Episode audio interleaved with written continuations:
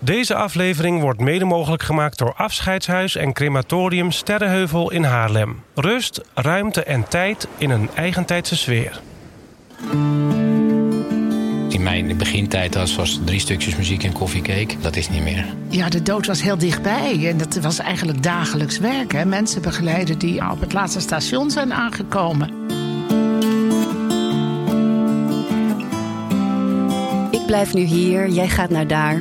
En daar is niet zo ver van hier. We spreken af, ik weet niet waar. En daar ontmoeten we elkaar. Dat zong Clouseau in 1992. Vroeger was de dood een taboe, maar tegenwoordig is een gesprek hierover al veel normaler. Dat gesprek voeren we in deze podcast. Ik ben Hajo Magree. Ik ben Patty Lomiddel. We praten in deze serie met mensen die werken in het uitvaartvak. Waarom doen ze dit werk en hoe houden ze het vol? En we gaan op bezoek bij mensen die een uitvaart hebben meegemaakt die voor hen bijzonder was. Welke keuzes maakten zij en hoe kijken ze daar nu op terug? In deze eerste aflevering praten we met Anita van Bokhorst en Rob van Schoten. Zij werken in een crematorium en rouwcentrum dat ze liever een afscheidshuis noemen. Als je wilt kan je daar zelfs 24 uur per dag naar binnen. Maar we beginnen vandaag met een bijzondere pastor. Als zij heeft gesproken op een uitvaart gaan de mensen hoopvol naar huis. Dit is Helemaal aan het einde, de podcast over de uitvaart.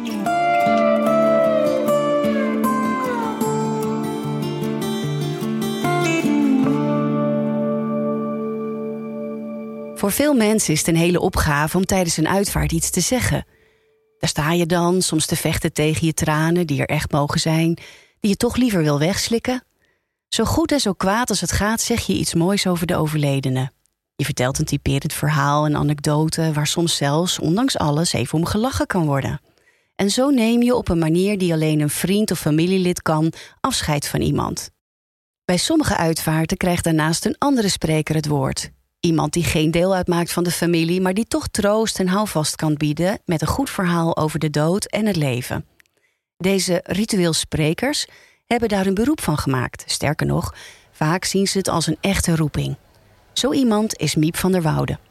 De dood is voor mij niet uh, afschrikwekkend, dus ik ga er ook heel makkelijk mee om. Miep van der Woude is pastor in Katwijk en sergeant-major in het leger des Heils. 73 jaar is ze en ze is nog niet toe aan haar pensioen. Als je haar voor het eerst ziet, valt haar kort geknipte grijze haar op, de karakteristieke zwarte bril en haar energieke, maar nuchtere uitstraling. Als ik ergens uh, ja, geroepen word om, om te komen praten over een naderend afscheid, benoem ik het ook gelijk. Zeg ook gelijk: Ik ben hier gekomen, ik begrijp dat u gaat sterven binnenkort. En dat u wilt dat ik uw uitvaart doe. Zullen we samen gaan praten over die laatste periode? We ontmoeten Miep in het stadhuis van Katwijk, waar ze op het punt staat een huwelijk te sluiten, want ze is ook nog trouwambtenaar. Maar we praten met haar over de dood, over het begin van haar carrière als geestelijke, ook toen ze werkte in verpleeghuizen in Katwijk. Met ongeveer 200 bedden betekende dat dat de dood altijd dichtbij was. Ongeveer 100 mensen overleden per jaar. Maar het gekke is dat ik dat nooit als, als zwaar heb ervaren. Want zeker als mensen gelovig zijn, hebben ze iets om naar uit te kijken. Het is niet hè, van alleen maar kommer en kwel. Sommige mensen geloven ook absoluut dat ze het beter krijgen. En dat uh, misère en, en, en lichamelijke tekorten uh, weg zijn. Over haar werk in het verpleeghuis heeft Miep een boek geschreven. Wilt u mijn zakdoek even oprapen? In het boek staan verhalen over hoe Miep met de mensen praat over de dood. Zoals deze anekdote over een mevrouw die niet meer verder wil leven en is opgehouden met eten en drinken. En de dokter zei: Ja, ze hoeft niet te sterven, maar ze wil niet meer. Ze eet niet meer, ze drinkt niet meer. Nou, op kerstavond. Ik ging nog even bij haar kijken. Ze had al dagen niet meer gesproken. En uh, ze had mij gevraagd een paar weken daarvoor of ik haar uitvaart wilde doen als ze zou overlijden. Nou, ik kom bij haar, sta aan haar bed en ik zei dat ik ja, naast haar stond. En ik wist niet of ze me hoorde, maar ik zei: Ja, als u niet eet en drinkt, dan gaat u sterven. Wilt u dat? Geen antwoord. Ik zeg, want u heeft mij gevraagd uw uitvaart te doen. En daar hebben we verder niet meer over gesproken. En dan, als u sterft, gaat u dan naar de hemel? Ze deed haar ogen open. Haar dochters, twee van haar dochters, stonden naast me. En ze zei: luid en duidelijk: als mijn schoonmoeder daar is, wil ik er absoluut niet naartoe. En ze heeft nog tien maanden geleefd. Ze ging weer eten en drinken. En ze is tien maanden later tijdens een modeshow onwel geworden en overleden. Dus ik heb haar nog tien maanden verder kunnen helpen. Miep vindt het een vooruitgang dat we tegenwoordig makkelijker praten over de dood. Althans, de meeste mensen. In de beginjaren van mijn uh, professie heb ik toch wel meegemaakt dat het een taboe was.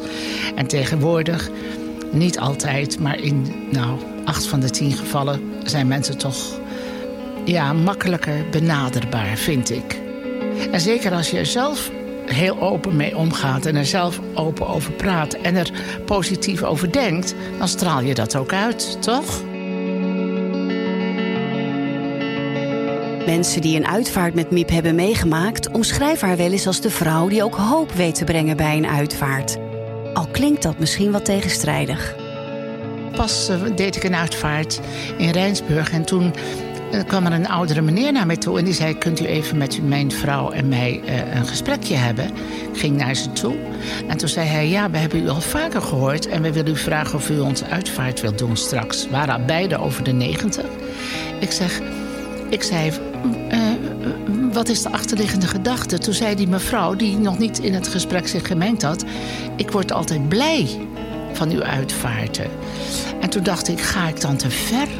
Nee, ik denk ook dat je blij kan worden als ik een uitvaart doe. Want ik ben gelovig. Ik geloof dat het beste nog komt. Dus dat vertel je. En ik denk ook dat je mensen en dat, dat is ook mijn intentie, dat je mensen naar huis moet sturen met hoop in het hart. Kijk, niet alles is goed in je leven, niet alles is slecht in je leven. Als je nou een middelmatig leven leidt en je geeft ieder het zijne en je doet je best om er wat van te maken, dan hoef je toch niet bang te zijn.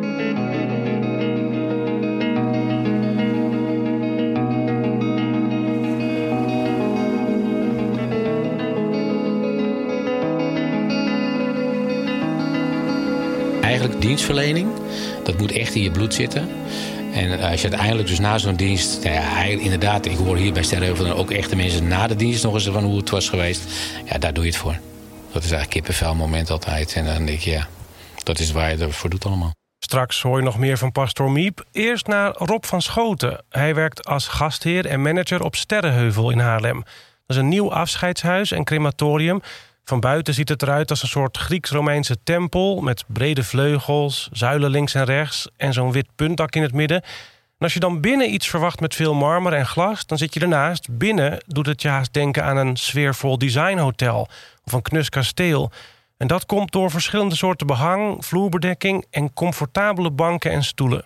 Hier pakken ze de dingen anders aan. Ja, die persoonlijke aandacht. Ja, dat voelt hier eh, zo goed. Dus ik ben nu ook, doordat je zo'n klein team bent, heel erg betrokken ook al bij de familie bij voorbaat al. Dus bij de voorgesprek in de zin van hè, audiovisuele moment wat ze met mij willen bespreken. Uh, hoe gaan we dit, ja, hoe willen, ik, mijn vraag is, hoe, wil, hoe zou u het willen? Wat vindt u mooi? Ik laat natuurlijk de ruimte zien. En dan gaan mensen zeggen, uh, ja, ik, wil, ik zou dit willen of ik zou dat willen. En nou, dan gaan we dan aan werken of dat, om dat voor elkaar te krijgen. En dat is voor mij elke, elke keer weer, ja, hier op Sterren in ieder geval wel weer een, een hele vernieuwing. En dat is denk ik waar wij ons in onderscheiden. Het is niet meer dat strenge, uh, kijken. Nee, de mensen vinden het juist ook fijn om een glimlach te kijken, want we hebben het dan moeilijk genoeg. Anita van Bokhorst is de geestelijk moeder van Sterrenheuvel en mede-eigenaar. Er zijn een aantal 24-uur suites. Sommige worden beheerd door Haarlemse uitvaartondernemers. Ze zijn dan ook allemaal anders ingericht. En de naam zegt het al, dit zijn suites of kamers waar overledenen opgebaard zijn... en familieleden krijgen dan een sleutel dat voelt fijn aan dat ze kunnen komen wanneer ze zelf willen, maar toch ook weer naar huis kunnen als ze even niet mee geconfronteerd willen worden. Ik denk dat het heel fijn is dat mensen gewoon uh, naar uh, hun dierbaren kunnen wanneer ze dat willen. En ik denk dat dat het voordeel van de 24-uurskamer is. En juist omdat we het huiselijk ingericht hebben, uh, ervaren ze dat ook weer niet als een clean stukje. Ja, we hebben laatst ook een uh, familie gehad en die, die waren bij wijze van van ochtends half tien tot s avonds half tien zaten, waren ze daar. En dan kwamen, liepen af en aan met mensen. En ja, hoe mooi is dat? Bij Sterrenheuvel werkt het zo dat alles op één plek kan plaatsvinden. Opbaring, dienst en de spreekwoordelijke koffie met cake... of wat je verder wil eten en drinken... Je hoeft dus niet tussen gebouwen heen en weer te lopen, over rolstoelen na te denken of je paraplu mee te nemen. Je hebt het proces van het rouwen omdat degene nog boven aarde staat, noemen we dat. En het stukje in de aula dat we ze herdenken met foto's en muziek en spitsen. En dan krijgen we daarna de horeca langs waar we, ja, waar we misschien weer opnieuw toch weer het leven vieren. Want we gaan diegene missen. Je doet herinneringen ophalen. En, ja, maar je, moet, je moet ook weer verder kijken. Je gaat ook weer in de toekomst kijken. En dat is een verschil met vroeger. Toen ging het traditioneler. Het is toch vaak allemaal een beetje wat, uh, wat strenger. En vanuit de kerk was het vaak uh, een broodje met een bak koffie. En dat is denk ik de verandering in uh, uitvaartland. Dat, je, dat de mensen bewuster zijn dat na, als iemand is overleden, dat hun door moet. En dat, dat je dus doorgaat met het leven. En dat daardoor ook het leven toch ook gevierd mag worden. En dat betekent dat mensen tegenwoordig veel vaker kiezen voor een uitgebreide borrel na een uitvaart.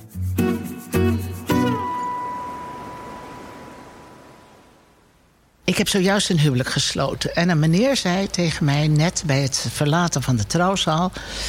U heeft mijn schoonvader begraven. In het stadhuis van Katwijk vertelt pastor Mip iets wat ze toevallig die ochtend meemaakte.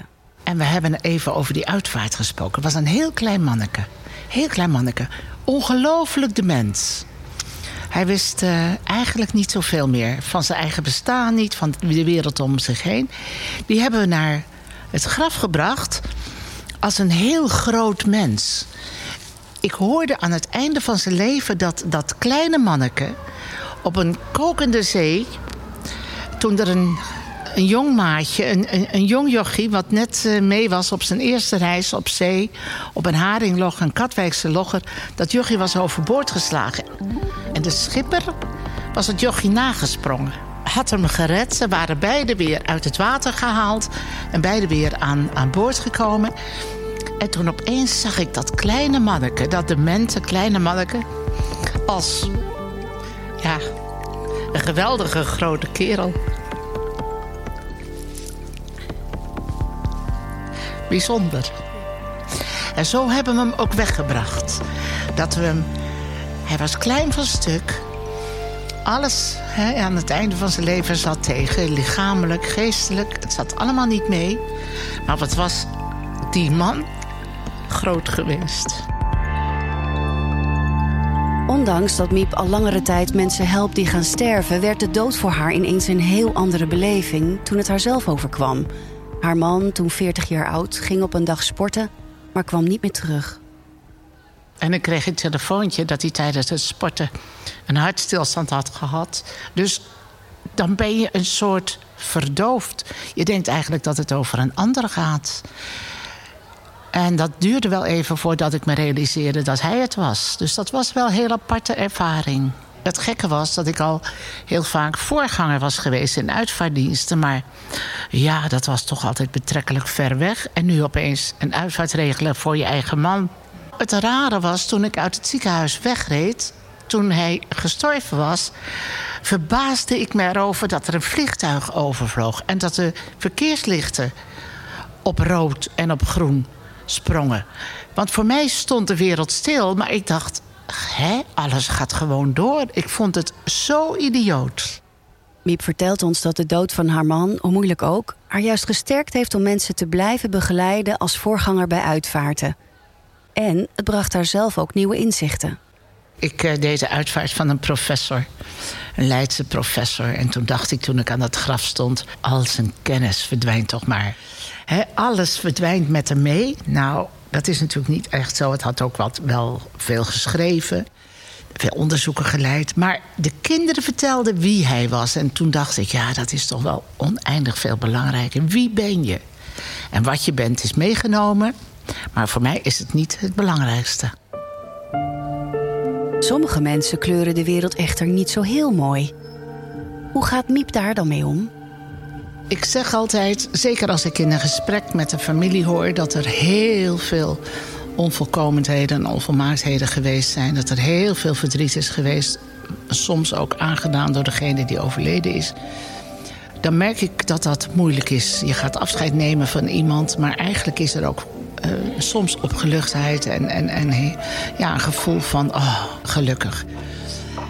In zulke gevallen, dat bespreek ik altijd met de familie, zeg ik wat goed was van jou dragen we met ons mee. Wat niet goed was, begraven we met je mee. En dat kan voor sommige mensen heel verhelderend en opruimend werken. Ja, ik denk dat dat ook goed is. Dat je dat ook familie, als ze zo intens uh, lijden onder wat geweest is... dat je dat soms moet aanbieden, zal ik dat zeggen. Het, het, het is een enkele keer gebeurd dat ik dit gezegd heb. En dat werkt echt, ja, verruimend. Wat goed was, dragen we met ons mee van hier en zullen we bewaren in ons hart. Wat niet goed was, begraven we met je mee en zal ons niet meer belemmeren. Ik denk dat je dat mag zeggen.